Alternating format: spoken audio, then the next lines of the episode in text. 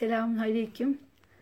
Hayırlı, bereketli bir Esma Hüsna gecesi olması niyazıyla Euzubillahimineşşeytanirracim Bismillahirrahmanirrahim diyerek bu akşam Esma dersimize El Ali ismiyle devam ediyoruz inşallah. Evet, El Ali ismi bugün yine Cenab-ı Allah'ın e, büyüklüğünü, işte azametini gördük. Bu büyük mütekebbirliğini gördük. E, böyle bu isimlerin içerisinde olan bir e, ismi değerlendirme alanımıza alacağız. Bakalım bu isim bize neler söylüyor. Bu isim e, bizim hayatımızın hangi taraflarında olduğu zaman bize ne hissettirecek? Bunun gibi birçok e, konuya temas ederek inşallah Ele Ali ismini e, birazcık daha tefekkür etmiş olacağız.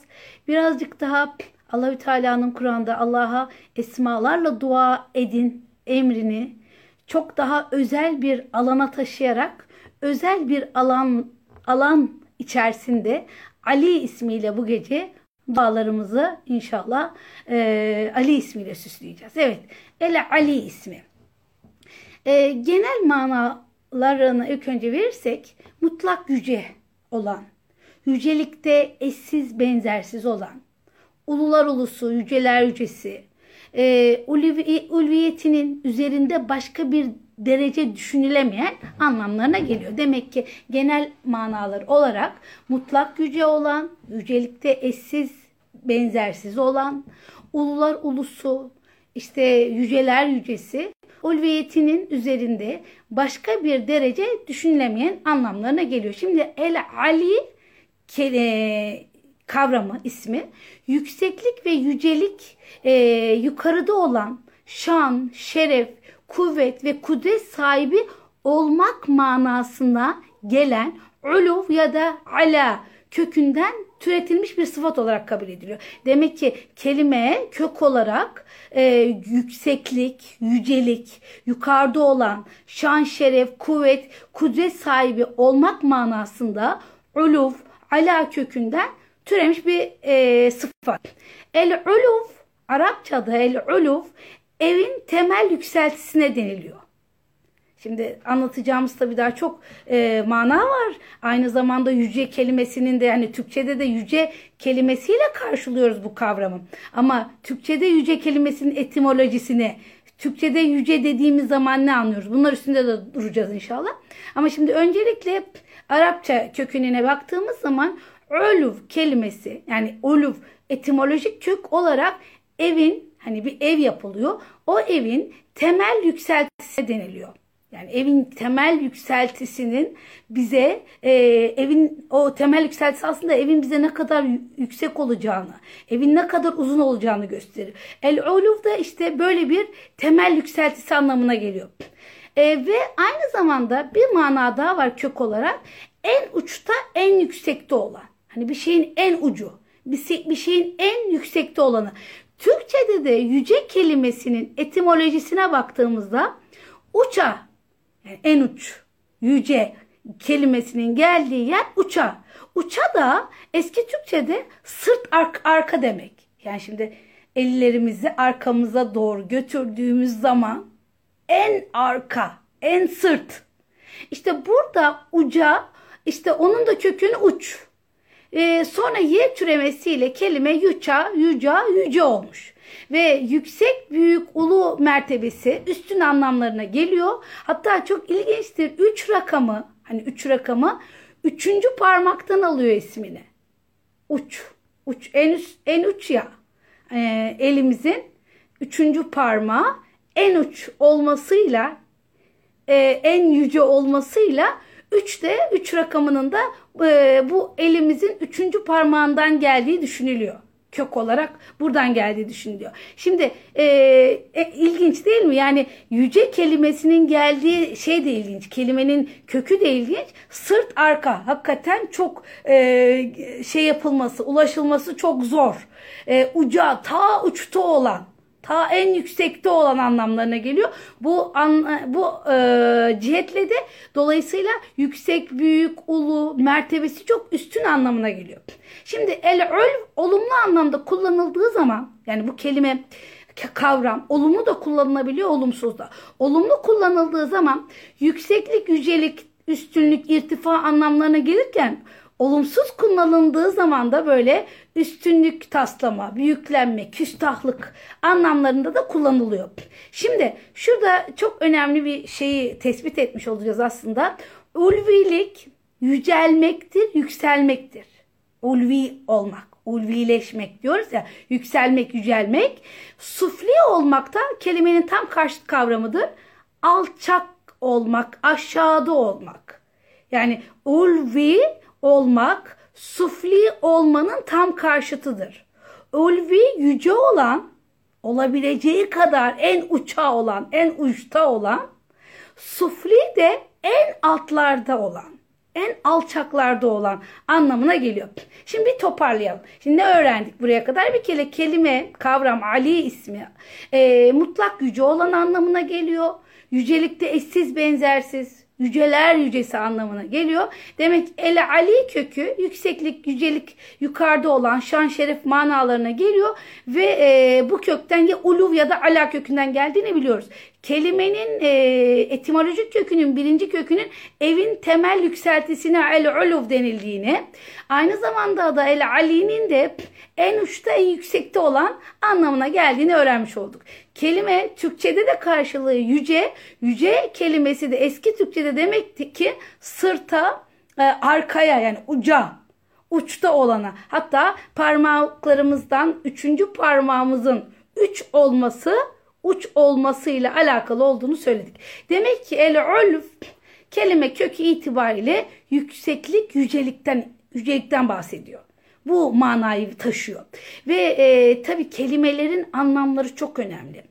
Kelimenin verdiği mana, kelimenin e, kelimene de yüklenmiş mana çok önemli. Sonuçta biz şimdi şurada bir iletişim kuruyoruz. Ben iletişimi anlatan kaynağım, siz de alıcısınız. Şimdi bu kelimelerle e, ne yapıyorum? E, mesajımı kelimelerle anlatmaya çalışıyorum. Yani kelimelerle zarfa koyarak sizlere gönderiyorum. Sizler de o zarfı hemen açıyorsunuz. Sizin de ne birikim varsa o birikimlerle birleştirip ne yapıyoruz? Bir iletişim alanı oluşturuyoruz. İlmi bir iletişim alanı oluşturuyoruz. Evet burada ne gördük? Demek uluv kelimesi Ali Allah'ın Ali ismi yücelik, yükseklik, büyüklük anlamını veriyor. Ve kelimenin demek ki karşıt kavramı suflilik. Alçaklarda olmak. Olabileceği kadar aşağılarda olmak. Sefil kavramından geliyor sufli. Sefil. Çok yerlerde olan. Çok aşağılarda olan. Ulvi de çok çok olabilecek mertebelerin, derecelerin en üstünde olan demek. Şimdi ala edatı da aynı kökün ala edatı Arapçada hep görüyorsunuz değil mi? Alallah, ala, darabe, ala falan böyle çok görüyoruz. Edat olarak geliyor. Zaten edat olarak da nasıl geliyor? Üstünde, üzerinde, ilaveten, yanında, için, için içinde, göre, bir şeye doğru, bir şeye karşı denden anlamlarına gelen bir edat. Hani bu bütün dillerin edatları vardır ya. Deda, denda. Böyle bir edat. Bu kökten e, gelen bizim bildiğimiz çok kelime var. Ali, e, el Ali, el uluf kökünden bildiğimiz kelimeler var. Ne biliyoruz mesela? Ali biliyoruz. Ali, Ali ismi. İşte Ali olan Allah'tan tecelliler alan Aliler var. İşte Ali. E, zat-ı alileriniz der eskiler. Zat-ı ali. Zat-ı ali ne demek? Yüce şahsınız. Yüce zatınız. Eskiden insanlar birbirlerine tabii çok nezaketliler. Osmanlıca'da hakikaten kelime e, literatür çok geniş ve bakıyoruz o nezaket e, ifade eden kelimelerin e, çok bir geniş bir alan alanı olduğunu görüyoruz. Çok önemli olduğunu da fark ediyoruz. Yani zatı aliniz geldi demek bir kimseye yani evet siz hakikaten güzel bir konumdasınız. e, bizi çok mutlu ettiniz anlamına geliyor. E, ve o kişiye e, çok güzel bir ünvan vermiş oluyoruz. Hem de Allah'ın Ali Ali isminden bir e, sıfatlandırma yapmış oluyoruz. Demek Ali, Zat-ı Ali, Zat-ı Alileriniz. Teala bildiğimiz kelimelerden bir, bir tanesi. Ve Teala ve Teala ceddük. He, Teala yücedir. Çok yücedir. Allah çok yücedir. Alişan, şanı yüce olan. Devleti Aliye Osmaniye hepinizin bildiği. Devleti Aliye, yüce devlet. Büyük devlet. Yani ulaşılması çok zor bir devlet. Çok uçta bir devlet. Mahkeme Ali. Mahkemeye e, ne kadar güvenmişse ecdadın e, toplumu e, ecdat mahkemeye hali demişler. Daha böyle bildiğimiz çok kelime var ama bir kelimeyi daha söyleyeceğim. İlliyun var. Kur'an'dan yine bildiğimiz bir kelime. İlliyun. Mevla Mutaffifin suresinde diyor ya iyilerin hani cennette iyilerinin iyi, cennette iyilik sahiplerinin hesaplarının tutulduğu kayıt defteri adı İlliyun. Hani e, inançsızların, eylemleri kötü olanların e, tutulduğu defter sicil ama e, inananların defterleri bile diyor. Şimdi onlara sicin diyor. Yani yerin altında diyor. Hapishane anlamına geliyor zaten. Onların defterleri bile aşağılarda tutuluyor. Müminin defteri bile yukarıda tutuluyor. Allah müminin e, amel defterine bile değer verdiğini söylüyor. Amel defteri bile müminin Allah'ın Ali isminin tecellisi var. Onun eylemlerine Allah'ın böyle bir tecellisi var. Şimdi şöyle bir soru gelebilir belki Arapça bilenler açısından. E hocam ala da üstünde demek, fevk de, e, fevk de üstünde demek. Fevkun. E, ikisi de üstünde anlamına geliyor. Aslında bu e, şeyde de var. İngilizce'de de var. On diyoruz, above diyoruz yani. Şimdi ala bir şeyin alası demek o şeyin parçası demek. Yani ala mesela işte e, masanın üstündeyse ala diyorsak o şeyin parçası tam üstünde. Ama bir şeyin fevkinde olması demek ondan o şeyin parçası olmasından bahsetmiyoruz. El uluf kökü esma hüsna içerisinde el ala Ali ve mutal olarak geldiğini görüyoruz. E, ve El Ali isminin mübalağalı ismi fail olması, mübalağalı ismi fail bir kalıp. Yani sonsuz yücelik sahibi demek. El Ali sonsuz yücelik sahibi. Yani zatı itibariyle ulu ve yüce olan anlamına geliyor. Aynı zamanda sıfatlarıyla, eylemleriyle hep yüce olan anlamına geliyor. Biraz sonra göreceğiz. Yani nasıl Allah zatında Ali, nasıl sıfatlarında Ali bunları biraz sonra göreceğiz. Şimdi Ali ıı, kelimesinin sonu illetli harf olduğu için iki mana veriliyor. Aliyün ya, Aliyün. Ayın, lam ve ya'dan oluşuyor. Şimdi sonu üçüncü harf elif ile yazılan ala, ya'lu, uluven kökünden olursa o zaman mana somut ve mekan üstünlüğüne delalet ettiğini görüyoruz. Ama üçüncü harf ya ile yazılan demin dedim ya aliye, ya'la, alen, aliyun kökü. He, bu kök soyut anlamda kullanılıyor. Yani aliyun e, üçüncü harf y ile olan demin söylemiştim yağlı olan. E, bu kök soyut anlamda kullanılıyor ve makam üstünlüğüne delalet ediyor. Hani demek ki e, iki tane e, şey olarak sonunda e, iki tane e, e, illetler olduğunu biliyoruz. Yani elif geliyor. Elif gelirse somut mekan için uluven ve mekan üstünlüğüne delalet ediyor. Eğer ki ya ile gelirse e, bu kök soyut anlamda meka, makam üstünlüğüne delalet ediyor. Şimdi biraz da İslam alimleri Ali ismine nasıl manalandırmışlar biraz da ona bakalım. Mesela Cürcani diyor ki e, Tarifat kitabında e, yücelik ve hüküm hükümranlıkta kendisine eşit veya kendisinden daha üstün bir varlık bulunmayan, mutlak olarak yüce olan, örf, akıl ve din açısından övgüye değer bütün müsbet nitelikleri kendisinde toplayan, yine örf, akıl ve din açısından yerilmiş bulunan ve uluhiyetle bağdaşmayan bütün menfi niteliklerden münezzeh olan kemal sahibi yüce Allah demektir diyor. Yani tekrar diyorum.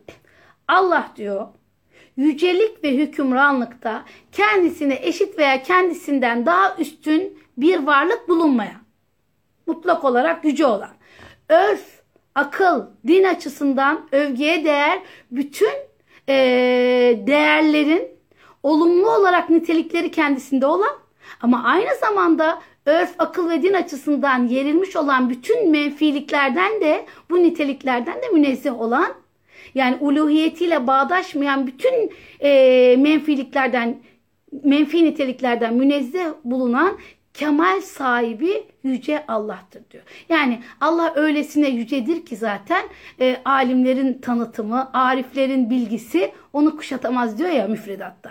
Ve, e, ve şeyi de söylüyor Rakıp İsfahani e, diyor ki Ali ismiyle alakalı zat, mahiyet ve sıfatları bakımından beşerin idrak gücünü aşan ve mükemmellikte olan varlık demektir diyor. Şimdi e, demek ki Ragıp El İsfahani de diyor ki e, evet Allah öylesine yücedir ki ne onu alimler tanıtabilir ne ariflerin bilgisi onu kuşatamaz. O yüzden ancak biz marifet yoluyla anlayabiliyoruz. Ya da gördüklerimiz yoluyla ilişkilendirerek kıyaslama üzerinden bir şeyleri anlamaya, tanımlamaya çalışıyoruz. Şimdi demek ki zat ve zat mahiyet, mahiyetin ne olduğunu daha önce söylemiştim. Hatırlıyorsunuz. Hani hüviyet, mahiyet bu konuları konuşmuştuk. E, zat, mahiyet dediğimiz bir şeyin mahüvesi, kimliği, mahiyeti ve sıfatları bakımından beşerin idrak gücünü aşan yücelikte ve mükemmellikte olan bir varlık. Yani Allah'ın zatı, mahiyeti ve sıfatları, esmaları bizim idrakimizin gücünü aşan yücelik ve mükemmellikte. İşte bu Ali olması. Hiçbir yücelik, kudret ve üstünlük düşünülemez ki Allah ondan da üstün olmasın. Hani bir şey düşünün. Çok yüce, çok inanılmaz kudret, üstünlük var. He, Allah ondan da üstün. Çünkü Allah'ın varoluşu başkasından değil kendindendir. Bu çok önemli. Hani e, biz hep deriz ya. Şimdi Allah'ın varlığını şöyle tanımlıyoruz teolojide. Yani varlığı vücub vücub e, vaci, vacid vacidil vücut. Vacibül vücut diyoruz pardon. Allah'ın varlığına vacibül vücut diyoruz. Yani ne demek vacibül vücut?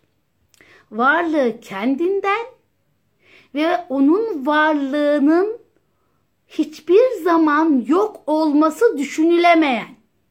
Biraz felsefik bir konu. Hakikaten e, düşünce yürüyüşlerinizi belki biraz zorlayacak bir konu ama e, elimden geldiği kadar e, kendi kelime dünyam ve kendi düşünce dünyam ve duygu dünyamla harmanlayarak e, iletmeye çalışıyorum. Tabii ki sizler e, de kendi e, duygu, bilgi, birikiminizle birlikte siz de tekrar harmanlıyorsunuz. Hakikaten önemli bir konu. Yani burada şunu görüyoruz. Demek ki Allah vacibül vücut zat olarak. Yani e, varoluşu başkasından değil kendinden ve onun varlığı vacip. Yokluğu düşünülemez. İnsan nedir? İnsan ise mümkünat vücuttur. Yani imkanlar dahilinde vardır. Yokluğu düşünülür. Biz zannederiz ki yaşarken biz olmazsak işler ne olur? Biz olmazsak olduğumuz yani yaşadığımız hayatı kendi, şey zannediyoruz ya birçok zaman. Ben olmazsam ne olur? Gitmez bu hayat. Gider, gidiyor. Biz olmasak da gidiyor. Biz olsak da gidiyor. Çünkü bu dünyanın düzenini koyan Allah, ilkelerini yerleştiren Allah, bu kainatın ilkelerini yerleştiren Allah, e, biz olmadan da o ilkeleri yerleştirmiş, o devam ediyor. Yani e, diyor ya Einstein, kainat boşluk kabul etmez. Ne demek? E sen gidersin. Bir şey gider, diğeri gelir. Hani bunu e, her şey için kullanabiliriz. Biz gittikten sonra bir başkası gelecek bu daire bitecek yani. Kendimizi bizi tanıyanların dairesi bitecek. Yapmış olduğumuz işlerle alakalı o kendimizi e, vazgeçilmez zannettiğimiz şeyler de bizim o e, hani canhıraş şekilde işte her şey bana bağlı olması gereken şu şöyle ev düzgün olacak bu böyle olacak. Yok gidiyor her şey gidiyor. Hani hiç de gitmez hiç olmaz her şey sarsılır diye düşünülen nice hayatlarda bir müddet sonra o yerinden oynayan ırmaklar, nehirler tekrar yolunu buluyor, akmaya devam ediyor. O yüzden insan aslında Allah'ın esmalarını bildiği zaman anlıyor ki hani benim yerim kainatta evet kainattaki bir yıldız kadar küçük bir yerim var. Bazı belki de hiç gözükmüyor ama Rabbim beni muhatap almış. Rabbim bu kainatta beni muhatap alıp bana seslenmiş. Sevgisiyle seslenmiş, muhabbetiyle seslenmiş, hayatıma seslenmiş. Ee, ve benim şunu unutmamam gerekiyor. Hayatı düzgün ve psikolojik açıdan ve ilişkiler e, açısından da doğru yaşayabilmem için kendi varlığım vacip bir varlık değil. Vacip yani vacibül vücut olan Allah. Vacibül vücut olan Allah. Yani varlığı vacip olan, yokluğu asla düşünemeyen Allah. Çünkü Allah yaratılmış değil, yaratıcı Halik, Halik olan. Ve etkilenen değil, etkileyen, müessir olan. Şimdi insan müesser olan, etkilen ee, kusura bakmayın bir şey oldu. Telefon geldi kapattım. Ee, demek ki e, vacibül vücut olan Allah yaratıcı e, olan, halik olan da Allah. Çünkü o yaratılmış da değil. Etkilenen değil, etkileyen, müessir olan da Allah. Ve demek ki vacip olmak yani varlığı vacip olmak, yaratılmış değil, yaratıcı halik olmak. Etkilenen değil, etkileyen müessir olmak. Zatında ve sıfatlarında kemal derecesinde bulunmak gibi insan aklının düşünebileceği bütün yücelikler en mükemmel derecede Allah'ta sadece ve sadece onda bulunduğunda bulunduğuna şüphe etmediğimiz gerçek tanımlamalar. Yani sadece ve sadece mutlak olan Allah. E, dolayısıyla İslam inancı vahiy bize Allah'ı zat, sıfat ve fiilleriyle mükemmelliği ifade eden bir kavram olarak anlatıyor. Yani diyor ki Allah kavramı zatında, sıfatında ve efalinde mükemmelliği ifade eden bir yaratıcıdır. Ve aynı zamanda o yaratıcı öyle bir yaratıcıdır ki vacibül, va, vacibül vücuttur. Asla yokluğu düşünülemez. Bir an bile düşünülemez. Ee, aynı zamanda bütün yaratılmışlar mümkünatı vücuttur. İmkan dairesinde imkanlar el verdiği sürece vardır. Evet şimdi Allah'ın Ali ismiyle Azim isimler arasında da fark var tabii. Hani geçen gördük Azim ismini. Azim'de heybet var. Hani ulu dağlar, yüce dağlar, yüce dağlar da diyoruz. Ulu dağlar diyoruz. Hani a, a, e, o dağların heybeti Azim ismini gösteriyor. Dağlardaki o büyüklük uç, uça doğru gitmek. Yüce dağlar işte uça doğru gitmesi. Dünyadaki yerden en uca doğru gördüğümüz dağlar. O yüzden dağlara yüce dağlar denilmiş. Şimdi e, Ali görünmeyen ve Ali ismi görün, görünmeyen ve bilinmeyen metafizik varlıkların tümünden yüce olan, Azim ise görünen ve bilinen fiziki varlıkların tümünden yüce olan e, olarak şey yapılabiliyor. E, ayrı bir tanım olarak verilebiliyor. Ama yine de dediğim gibi e, belki şöyle yapabiliriz. Hani bir dağın o heybeti azametini anla, Allah'ın azim ismini anlatır. O dağın uca doğru yüksekliği, yüceliği işte Ali isminin tecellisidir. Birçok şeyde bunu göreceğiz inşallah biraz sonra. Şimdi hiçbir kul El Ali olamaz. Kulların içinden El Ali tecellisine mazhar olan Aliler olabilir. Ama hiçbir kul El Ali olamaz. Varlıklar içinde her şeyden yüce olan, yücelikte eşsiz ve benzersiz olan, aynı zamanda varlık içinde insana en yakın olan, en ulaşılabilir olan Allah'tır. Yani hem yücelikte eşsiz benzersiz hem de Kaf suresi 16. ayette buyurulduğu üzere insana şah damarından en yakında olan Allah'tır. İnsanların içinden kendilerine yücelik ve ululuk payesi verenler veya verilenler bu kolu, konumlarını korumak için dokunulmazlık ve ulaşılmazlığın arkasına saklanırlar. İnsanı kutsallık zırhıyla sarabilirler. Ama El Ali olan Allah inananları Kur'an'la terbiye eder. Peygamberlerinin hatalarını vahyinde bildirir. İşte Nuh peygamberin bildirmiş, Musa peygamberinkini bildirmiş. Demek ki El Ali görünmeyen ya da görünen de diyebiliriz varlıklarda en yüce olanı, yücelerin üstünde en yüce olana doğru insana e, bir ufuk ötesi açan bir isim olduğunu görüyoruz. El Ali ismi Kur'an-ı Kerim'de 11 defa geçiyor. 8 yerde Allah'ın ismi olarak geçiyor. Yani 8 ayette Allah'ın ismi olarak geçiyor. Ve bu 8 ayetin 5'inde Kebir ismiyle geliyor. Zaten önümüzdeki haftanın da e, dersi Kebir ismi. Şimdi Kebir ismi yani Kebir ismiyle geldiği zaman innehu aliyyun yok innehu e, kebir. Yani ne diyoruz?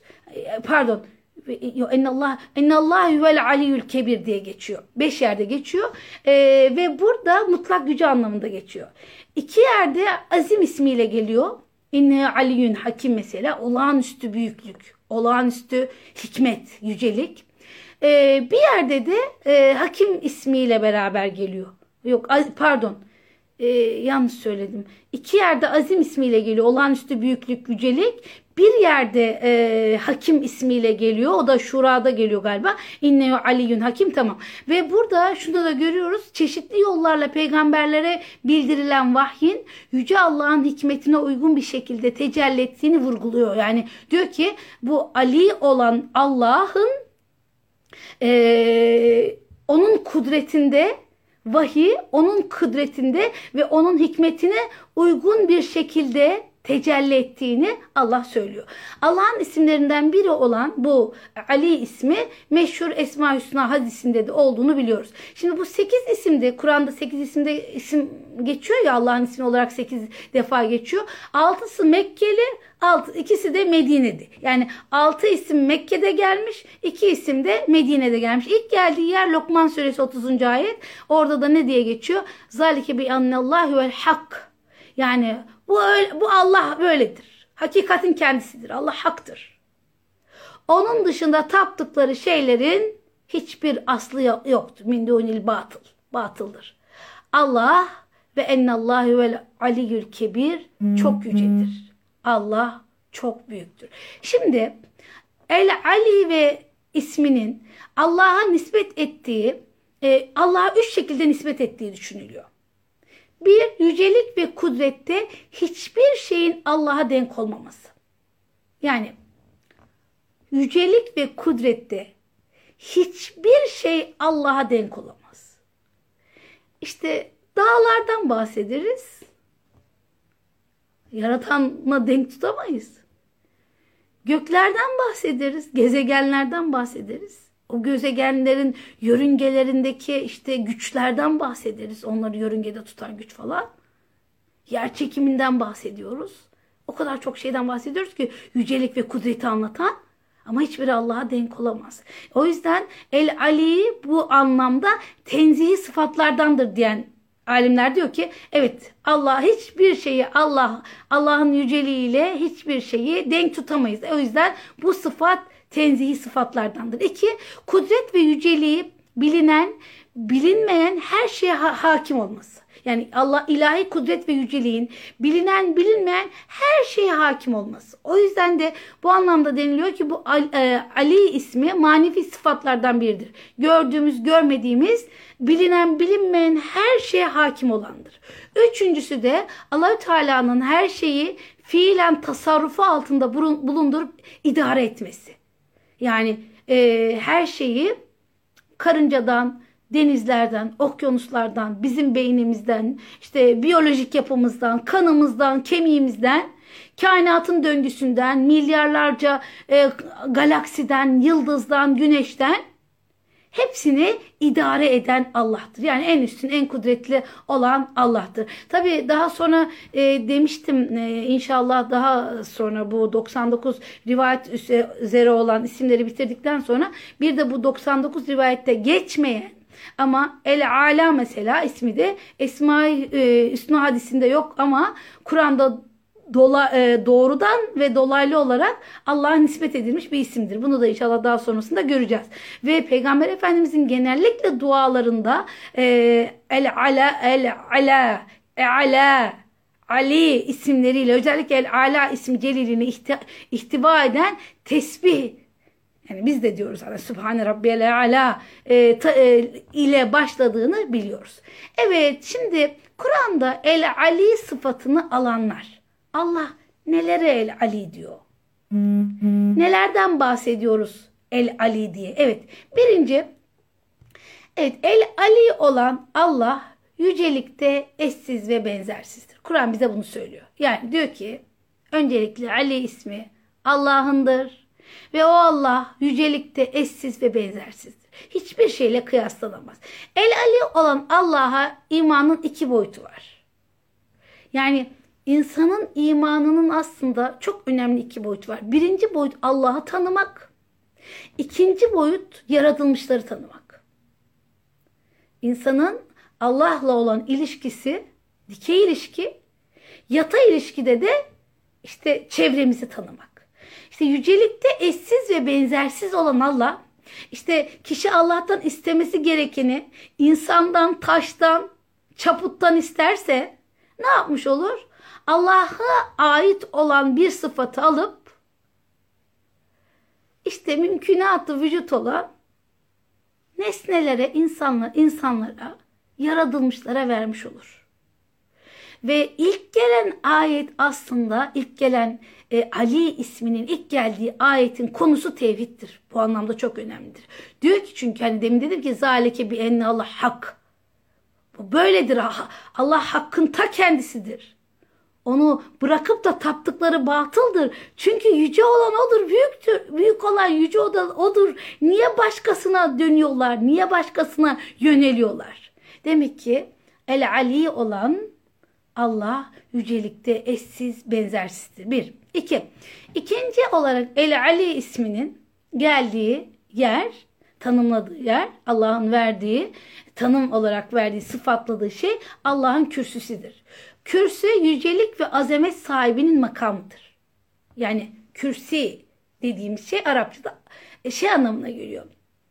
Aslında sandalye hepimiz biliyoruz ama aynı zamanda kürsi makam anlamına geliyor. Yani yücelik ve azamet sahibinin bak e, makamı da e, makamı kürsidir. O kürsi de yücedir.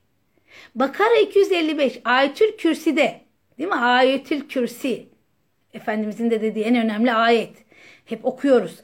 Ayetin sonunda yer alan kürsi Ali kürsi Ali ismi kürsiyi tamam tanımlamaktadır. Allah'a değil de kürsiyi. Allah'ın makamı da yücedir. Yani ne kadar dünyada makam var sayabiliriz değil mi? İnanılmaz çok makam var bildiğimiz. Ama bu bütün makamların üstünde, o bütün makamların üstünde onun makamın Ali olandır. Yüce olandır. Evet. Üçüncü olarak Allah e, kitabına Ali sıfatını vermiştir. Demek bir Allah'a ait bir sıfat onu biliyoruz. İkincisi Allah makamına Aliliği vermiştir. Üçüncüsü Allah kitabına El Ali ismini vermiştir. Zuhruf suresi dördüncü ayette geçer ve innehu fi ümmül kitabi. Ee, kitab ümmül kitabi. Ledeyna le aliyyun hakim. Ne diyor? Kuşkusuz o kitabı e, o katımızdaki ümmül kitap. Kitabın anası yani kitabın esası kitapların esası. Ve o le aliyun hakim. Öyle bir kitap ki hem Ali hem Ali yüce bir kitap hem de hikmetle doludur. Yani Kur'an sınıfının en üstün ve en yücesidir. Kendisinden önceki vahiylerin doğrusunu eğrisinden, gerçeğini sahtesinden ayıran müheymin bir kitaptır. Allah e, El Ali sıfatını kitabına vermiş, vahyine vermiş. Kur'an düşmanların saldırılarından etkilenmeyecek kadar yüce bir kitaptır. Kim ne derse desin. Kim isteyen istediğini söyleyebilir. Kur'an hiçbir zaman yüceliğine hiçbir şey gelmez. Necim suresi 53. ayetin nüzül bağlamında Velid bin Mugire'nin ah, ahiretteki azaptan korkup iman ettiği, sonra arkadaşlarından birinin azabı üstlenmesi sebebiyle küfre döndüğü nakledilir. Ve işte bu da ne olmuştur? Bir alay konusu olmuştur ama bunun e, Ali olan kitaba hiçbir etkisi yoktur e, etkilenmez. Kur'an müminlerin başka şeyleri ona eş sayma veya üstüne koyma teşebbüslerine karşı da yücedir. Yani ne demek? Kur'an müminlerin başka şeyleri on, e, ona eş sayma. Allah'ın vahyine işte o da böyle dedi. E, efendim bundan do, e, onun yorumunu daha iyi buldum. E Allah ne diyor? Kur'an bundan da yücedir. Sen öyle düşünebilirsin. Ya da ben e, şu zamanda namaz kılmayı çok mantıklı görmüyorum. Olabilir sen öyle düşünebilirsin. Yani Kur'an'ın yüceliğini değiştirmez bu. İşte senelerce şey dediler. E, anne sütü içirmeyin. Çocuğa zararlı. E ama Kur'an diyor ki iki sene içirin. Ya da iki seneden biraz daha fazla içirin. Allah'ın Allah'ın vahiy değişmez, yüceliği değişmez. Kur'an kendisine hizmet eden tefsir alimlerinin e, kendisinin söylediklerini ona söyletme girişimlerine karşı da yücedir. Yani şöyle kendisinden olmayan anlamları kendisine dahil etme girişimlerine karşı e, koruma mekanizması vardır. Yani ben ne anlatırsam anlatayım eğer Kur'an'dan bağımsız anlatıyorsam yanlış bir şeyler söylüyorsam Kur'an'ın yüceliğine bu etkilemez. Ben bu kadar biliyorum, bu kadarını anlatabiliyorum. Bütününü göremem. Holistik, holistik e, olabilecek bir ilmi donanımım yok, olamaz zaten. Meal olarak, tefsir olarak değil, fıkıh, kelam yoluyla bir e, yani bir biçimde zorlayarak dahil etsek bile hepsini e, Kur'an bu benden değildir diye atar o yorumu. Öyle yüce bir kitap. Sen biz istediğimiz yorumu yaparız ama Kur'an atar o yorumu. Şey gibi düşünün. Denize tuzu atarsanız tuz denize karışır. Tuz denizden olur. Ama denize odun parçası atarsak ne olur? Deniz suyu o odunu dışarıya atar. Kendi bu benden değildir der. Karıştırmaz kendini. Kur'an kendine yanlışı karıştırmaz. Ahkaf 9. ayet onu biz indirdik onu biz koruruz diyor. Şimdi Şatıbi burada çok güzel bir şey geldi aklıma Şatıbi'nin. Diyor ki nasıl ki el, ayak, baş, dil gibi organların insana has işlevleri birbirinden kopuk olarak yerine getirmesi mümkün değildir diyor. Öyle değil mi? Şimdi düşünün. Eliniz çalışıyor. Başınız da elinize göre yani bütün bedeni organlarını biz ee, işlevsel olarak kullandığımız an bütün organlar birbirine uyumlu olur tabii Allahu Ekber. Kopuk olarak birbirinden kopuk olarak biz işlevimizi yerine getiremeyiz. He, bütün organlarla birlikte insana insan denildiği gibi diyor.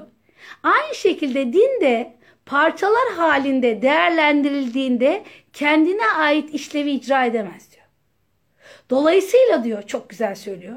Şer'i bir hüküm çıkarılmak istendiğinde bu hükmün tek tek delillerinden değil dinin bütününden çıkar, çıkarılması gerekmektedir diyor. Tekrar ediyorum. Şatıbi diyor ki nasıl ki insan ayak, el, baş, dil gibi organları insana has işlevleri birbirinden kopuk e, olarak yerine getirmesi mümkün değil ve bütün organlarla birlikte insana insan deniliyorsa aynı şekilde din de parçalar halinde değerlendirildiğinde kendine ait işlevini icra edemez. Dolayısıyla şer'i bir hüküm çıkarılmak istendiğinde bu hükmün tek tek delillerinden değil, dinin bütününden çıkarılması gerekmektedir diyor. Bugün postmodern anlayış e, yani modernizmle beraber dinsizlik e, ya da kutsaldan uzaklaştırma düşüncesiyle insanları Allah'tan uzaklaştırdılar. Baktılar olmuyor. İnsanın doğasına aykırı. Bu, zaf- bu sefer postmodernizm e, tabii Allah olsun dedi. Ama hayatımızda yani var olsun ama hayatımızda müdahale etmesin. Canımızın istediğini alalım. Karma bir anlayış olsun. Yani Allah'ın hükmünün tek tek delillerinden değil, e, delillerin e, yani hüküm çıkarılmak istendiğinde hüküm tek tek delillerden değil, dinin bütününden çıkarılması gerekir. Tek tek e, delillerden çıkmaz. Bütünden çıkar. O yüzden işte benim aklıma aklım almıyor. İşte e, zina niye yasak olsun? Aklım almıyor. Bu, bu çağa uymuyor. Bu çağa uymayabilir. E, bu hafta ödev olarak şey düşünüyorum. Lütfen ses dosyası yüklendikten sonra bu haftamızın ödevi şu olsun. Geçen haftanın e, Şekür isminden sonra e, birkaç arkadaş söyledi. Ben de bir baktım. E, şeye Darülfayde'nin Esma Hüsna işte dosyasına, ses dosyasına Eşşekür ismini. Çok güzel e, şey yor, yani yorumdan ziyade e, orada etkilenilen sözler alınmış. Slagonik gelen sözler alınmış. Ya da hayatın içerisinde görülmesinin düşünüldüğü sözler alınıp oraya yazılmış. E, bu haftaki dersimiz böyle olsun inşallah. Yani bu dersten hangi sözler, hangi yorumlar gönlünüzde, zihninizde bir iz bıraktıysa lütfen o sözü yazalım. E, şöyle olur hem ne kadar e, söz yazarsak öğrendiğimizle alakalı e, böylece şey olur. En azından dosyayı dinler dinledikten sonra gördüğümüz zaman o hani alttaki yazıları işte sizde kalan izleri e, hatırlamamız çok kolay olur.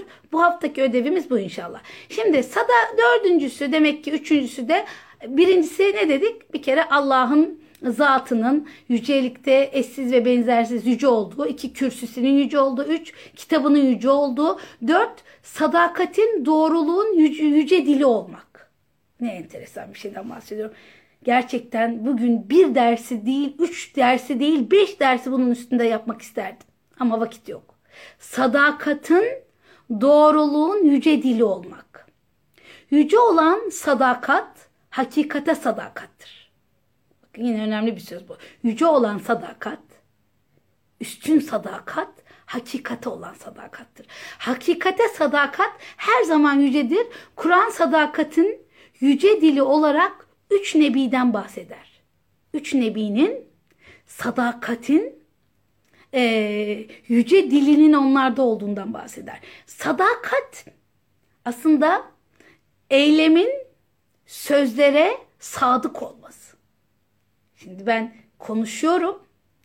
Eylemlerimin söylemlerime sadık olabilmesi ya da eylemlerime söylemlerimin sadık olabilmesi. Hangi eylemler yapıyorsam söylemlerimi de o eylemlere sadakatli yapmak ya da eylemleri söylemlere sadakatli yapmak. Çok muhteşem bir konu. Sadakatın yüce dili olmak. Şimdi e, şeyde ee, Meryem suresi, Meryem suresinde geçiyor 50. ayette. Ee, ve hebna lehum rahmetina diyor ya ve cealna lehum lisane sıdkın aliyya. Sıdkın aliyya. Nihayet İbrahim onlardan e, ve Allah'tan başka taptıkları şeylerden uzaklaşıp bir tarafa çekildiğinde e, biz ona İshak ve Yakup'u bağışladık. 49 okumadım ben. E, ve her birini peygamber yaptık. Onlara rahmetimizden verdik. Ee, onlar için yüce bir sadakat dili var ettik. Yüce bir sadakat dili. Yani güzel bir söz ile alın anılmalarını da e, temin ettik manası veriliyor. Ama şimdi şuraya bir bakalım. Lisan-ı sıdk. Yani lisan-ı sıdk, sıdkın dili. Demek ki sadakatin bir dili var. Hazreti Ebu Bekir geliyor tabii Sıdık deyince. Sadakatin bir dili var bir de bunun bir yüce dili var. Şimdi bu tanımlamayı iki türlü yorumlamışlar. Lisan terimi dile aktarılabilecek, dile ulaştırabilecek şeyleri ifade ettiği için mecaz olarak kullanıldığını söylüyorlar. Buna göre diyor ki alimler ayet peygamberlerin söylediklerinin doğru olduğunu ve sözlerinin yüce anlamlar taşıdığını ifade eder. Demek ki e, sadakatin yüce dili olmak her haliyle söylenebilecek beden dili, söz, kavli dil, her türlü dilin sadakatli, hakikate sadakatli olup da en yücesinden olması. İkinci, bu tamamlama doğruluktan yana üstün bilinmeleri yani iyi anılmaları. E, ki nitekim biliyoruz hani daha önce gördük İbrahim peygamber diyor ya Allah'ım ben, beni sonraki nesiller de ansın diyor Şura suresinde 84. ayette ve Allah da onun duasını kabul ediyor. Bunu buna yorumlayanlar da var. Ama burada ben şunu çok önemsiyorum. Bize çok önemli bir eğitim veriyor. Sadakat diliniz yüce olsun. Muhteşem. Yani dilin sözün sadakati hakikate bağlı olsun. O da hep en yücesinden olsun. Kelimeleriniz gücünü hakikatten alsın. Eylemleriniz gücünü hakikatten alsın. alsın. Bundan dolayı Müslümanlar işte Hazreti Peygamber Efendimiz'i önder kabul ederiz ve e, onun soyundan gelenlerin işte Hazreti İbrahim'in soyundan gelenlerini de hayırla anarız. Yahudi ve Hristiyanlar da mesela e, Hazreti e, İbrahim'e şeyde bulunurlar, saygıda bulunurlar. Amaçları böyle söylüyor. Şimdi biz şunu anlıyoruz hani ne alaka hocam diyeceksiniz ama ben biliyorsunuz böyle kitaplarla İnsan çok hemhal olunca bir yerden bir yere atlıyor ama bazı hani Goriyat Baba kitabında diyor ya erdemliliğe sadık kalmak yüce bir mağdur olmaktır. Çok hoş bir söz. Erdemliliğe sadık kalmak yüce bir mağdur olmak. Mağduriyet ama yüce bir mağduriyet yaşamak. İşte sadakatin lisanı olmak, sadakatin yüce lisanı olmak her sözü her söyleyeceği sözü hakikatine uygun olup olmadığını, sadakate uygun olup olmadığını ve kelimenin ne kadar yüceliği, manevi alanı temsil edip etmediğini görebilmek demek. Hakikaten burada kalacağım ama e, bu ayeti Meryem suresinde bir daha bir daha yapmak lazım. Üstünde durmak lazım. E, hakikate sadakatli olmak. Beş. Demek ki dördüncüsü ne dedik? Sadakatin yüce dili olmak dedik. Allah buraya veriyor Ali ismini. E, beşincisi de hakikate sadakatli olmak. Allah Allah. Hakikate sadakatli olmak. Diyor ya Veskür fil kitabı İdris. İnnehu kâne sıddıkan nebiyya. Sadık bir nebiydi. Ve refa'nahu mekânen aleyya. Yani e, biz onun mekanını da yücelttik. Demek Allah makamı yüceltiyor. E, hakikate sadık olanın makamını da Allah yüce yapacağını söylüyor. E, ve biz şunu anlıyoruz ki hakikate sadakatli oldukça insanın makamı yüceliyor. Aynı İdris peygamber gibi. Şimdi biz burada aslında şunu da görüyoruz. Muhammed Ebu e, Muhammed bin Ebu Ver diyordu ki şöyle bir şey söylüyor. Gaflet iki kısımdır diyor. Biri rahmetten gaflet, diğeri gelecek olan cezadan gaflet. Gaflet iki kısımdır diyor. Biri rahmetten gaflet, diğeri gelecek olan cezadan gaflet. Allah katında yücelmek ancak gafletten kurtulmakla mümkün olur. Hakikaten çok farklı tanımlamış. Demek ki gaflet iki kısım yani. İnsan rahmetten de gaflet olabiliyor. Gaflet de olabiliyor. Gelecek olan cezadan da gaflette olabiliyor. Demek Allah katında yücelmek gafletten kurtulmaktır. Şimdi bir sonuç olarak bağlayalım. Sonuç olarak Allah Ali olmakla maddi manevi, cismani, ruhani bütün mertebelerin üstündedir.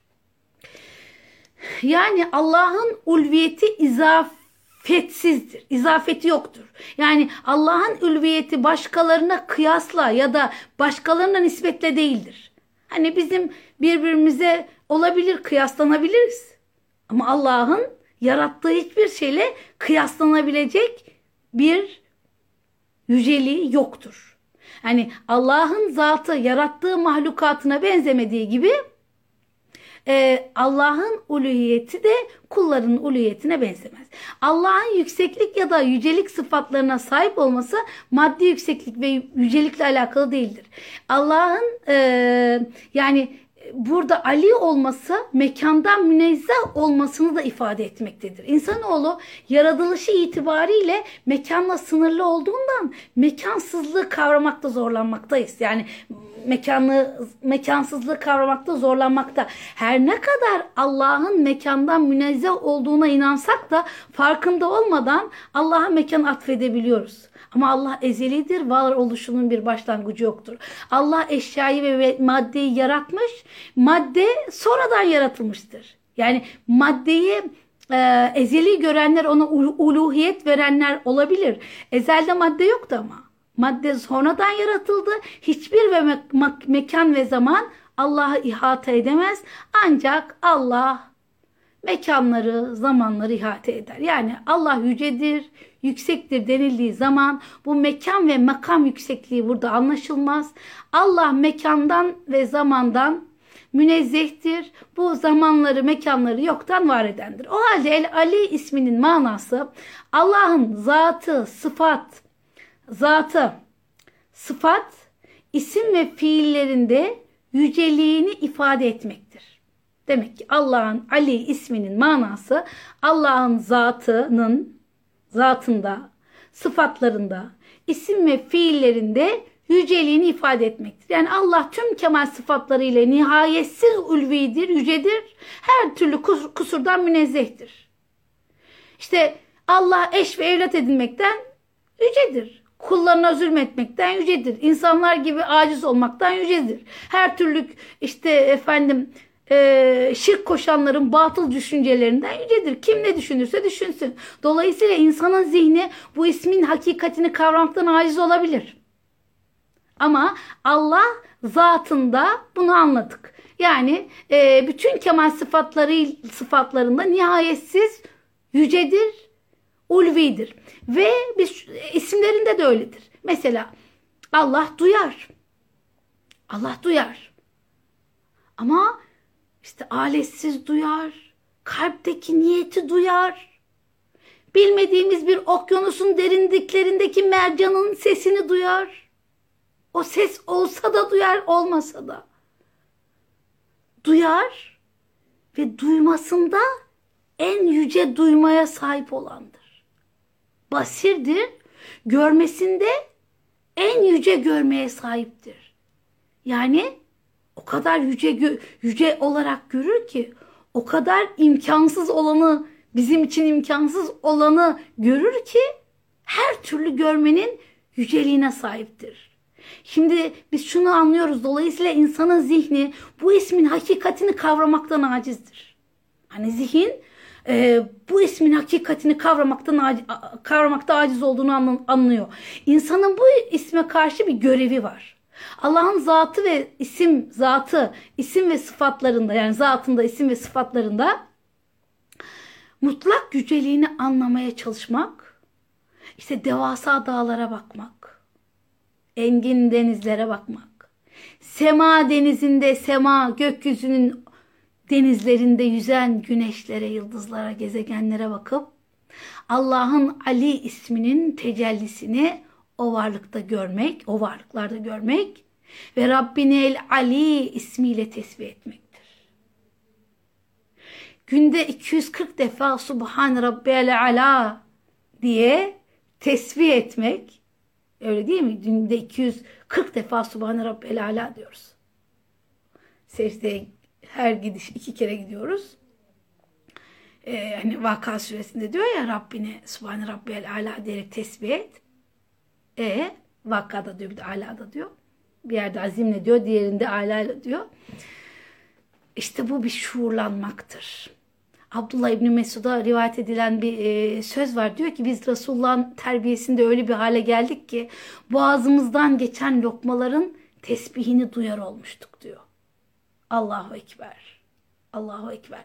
Ve e, yine e, şey diyor ya Hazreti Ebu Bekir'e e, şey atfediliyor. Allah hakkında marifet sahibi olmanın biricik yolu insanın onun hakkında marifet sahibi olmaktan aciz olduğunu idrak etmesidir diyor. Yani ve Cüneyt Bağdadi burada tabii güzel o da şöyle söylüyor. Allah'ın Allah'tan başka Allah'ı tanıyan yoktur. Allah'tan başka Allah'ı tanıyan yoktur. Yani Allah'ın yüceliğinin mahiyetini kavramak imkansızlıktır. İmkansızlığa kanat açmaktır ama bizim buradaki misyonumuz nedir? Misyonumuz şudur işte o yücedir. Her şey onun yüceliğini gösterir. Yüceliği, o yüceliği idrak ederek insan olur insan. Maddeden manaya yücelmeye başlar insan. Hani ee, ne kadar kaldı da bilmiyorum ama Hasan Tahsin Feyzli diyor ya Feyzül Furkan da e, şöyle diyor. İslam dini yücedir ancak onunla yücelmek isteyenler yücelir. Eğer din hayatın işlevinden koparılırsa hayat dinsizleşir. Her türlü gayrimeşru olan şeyler meşru hale gelir ve toplumun çürüyüp çökmesine başlıca sebep olur diyor. İşte biz e, şunu anlıyoruz. Yücelmek Allah'ın vahiyledir. Maddeden manaya doğru maddi sıkıntıları, maddi imtihanları bu kadar büyütmemizin sebebi yüceliklerden sufliliklerin içine hapsolduğumuz içindir. Ee, kaç dakika kaldı bilmiyorum arkadaşlar ama şunu da e, paylaşıp bitirmek istiyorum. İmam Gazali Dinde 40 Prensip diye kitabında şöyle bir şeyden bahsediyor yücelikle alakalı. Bil ki şöhret arayanlar yükselmek ve yücelmek isterler. Öyle değil mi? Şöhret niçin aranır? İşte insanların katında yücelmek ve yükselmek için. Halbuki hakiki yükseklik ve yücelik yüksek ve yüce olan Allahü Teala'ya intisap etmek, imanla ona bağlanmak ve onunla Rab ve kul münasebetini kurmaktır diyor. Bunu yapmak öyle bir yükseliştir ki diyor. Ondan sonra alçalmak ve düşmek yoktur. Öyle bir şereftir ki ondan sonra zillet yoktur. O öyle bir zenginliktir ki ondan sonra fakirlik yoktur. O öyle bir varoluştur ki ondan sonra yok olmak yoktur. Ve o öyle bir lezzettir ki onu acılaştıran bir şey yoktur. Çünkü süfli idaresinden ulviyete çıkıyor. Bu böyle olduğu için diyor kulun istemesi ve talip olması gereken şöhret değil diyor. Kendi varlığıyla meşhur olmak değil. Allah'a kul olmakla meşhur olmaktır diyor. Burası çok önemli. Yani şimdi insanlara bakın. Şöhreti herkes kendi nefsi için istiyor. Ama halbuki diyor ki Allah'a kul olmakla şöhret ol. Boş ver. İnsan dediğin varlık gelecek geçecek seni hatırlamayacak. Baki ve kalıcı olan şöhret budur diyor. Önceki şöhret ise pek çok sorunları ve sıkıntıları bulunmasının yanında süre, süratle geçici ve çabucak uçucudur diyor. Bu nedenle bunu hayatın gayesi haline getirmek ve onu elde etmeyi başarı ve işte üstünlük zannetmek yanlıştır diyor. Hazreti İbrahim örnek veriyor ve diyor ki parlayan yıldızlara karşı söylediği gibi geçici ve batıcı olan şeyleri ne kadar e, parlak, çekici ve cezbeli olursa olsunlar kalbine, Rabtine, ilgi ve muhabbetine layık görme diyor. Gerçekten çok güzel bir şeyle bitirmiş. Yani diyor ki Hazreti İbrahim de çekici olanlara baktı diyor. Yıldıza baktı, aya baktı. Ama diyor geçici, batıcı olan ve onlar ne kadar parlak ve ne kadar e, çekici ve böyle cezbeli olsa da olurlarsa olsunlar kalbine rapt etmedi. Kalbine, kalbinin muhabbetine layık görmedi. Çünkü yok olmak her türlü büyüklüğü sınırlayan, her türlü güzelliği güzelliğinden koparan, her türlü lezzeti bulandıran ve her türlü sevinci acılaştıran bir kusurdur. O yüzden şair demiştir ya bilir misin en büyük hüzün nerededir? Geçici olduğu bilinen sevinçtedir. Her gelen gitmeye mahkum. Dünya kalıcı değil. İşte Ali ismi bize şunu anlatıyor. bu gelip de devam edip de biteceğini bildiğimiz dünyada dünyevileşip sufli süfliyata yerlere çekilmek yerine Allah'ın kulu olup onun katında yücelmenin işte o kulluğun zevkine varabilmenin, lezzetine varabilmenin, o hakikatin sadakatine varabilmenin yollarını bulmak lazım. O da işte Esma Hüsna gibi Kur'an vahiyli anlamak gibi derslerle geçiyor. Üstünde düşünmek, üstünde tefekkür etmek, yazmak, çalışmak ve unutmamak lazım. En böyle kendimizi sıkıntıda hissettiğimiz, kalbimizin daraldığını hissettiğimiz zaman ne oluyor? Ne oluyor demek lazım insanın kendisine bir sorması lazım. Göklere doğru bakıp da ne oluyor? Nerede niye sıkıştın ki bu kadar? Geçici bir dünya için sıkılmaya değmez. Geçici bir dünya için süfli bakış açılarıyla kendini yerlere vurmaya değmez. Yücelmek ancak Allah katında yücelerek olabilecek, işte hakikate sadık kalarak olabilecek, hakikaten lisanı ola, olarak kalabilecek, hakikatin lisanını dile getirebilecek kadar e, manen dolmakla olacak güzellikler. Evet, e, Ali ismi farklı bir isimdi. Hep bütün isimler olduğu gibi. Ve e, bize farklı yücelmeleri anlattı. Farklı boyutlara çıkmayı anlattı. Maddenin içine sıkışıp kalmamayı anlattı. Eğer nefes alamıyorsak, bu dünyadaki sıkıntıları büyütüyorsak emin olun çok maddeyle sıkışmışız demektir. Maddiyatı çok dert ediyoruz demektir. Peygamber Efendimiz hiç zengin olmadı ama Duha suresinde buyurmuyor mu Allah? Seni zengin yapıp da fakirlikten Allah e, seni fakirlikten uzak kılmadım, zengin yapmadım. Ha, peygamber hiç zengin olmadı ki. Ama ne de ne diyor? Senin kalbine ihtiyaçsız kıldı. Maddeye ihtiyaçsız kıldı. Bırakın madde olabildiği olur olur olmaz olmaz. Önemli olan kalbi ihtiyaçsız kılıp da makamları evet farklı yüceliklere Allah'ın hakikatine doğru e, yol alabilmektir. Evet bu akşam da bir Esma Hüsna dersinin sonuna geldik. Rabbim üstünde düşünebilmeyi, tefekkür edebilmeyi, esmalarında derinleşebilmeyi nasip eylesin diyorum. Ve ahiri davana enilhamdülillahi rabbil alemin diyerek bitireceğim. Ama son bir şey söylemek istiyorum. Ödevimizi unutmuyoruz. Ee, ödevimiz iki ödevimiz var. Birinci ödevimiz ses dosyasından sonra lütfen en etkileyen, sloganik ya da hoşunuza giden cümleler. İkinci ödevimizde Meryem suresi 49-50. ayetlere bir dönüp bakalım inşallah. Allah'a emanet olun. Selamun Aleyküm.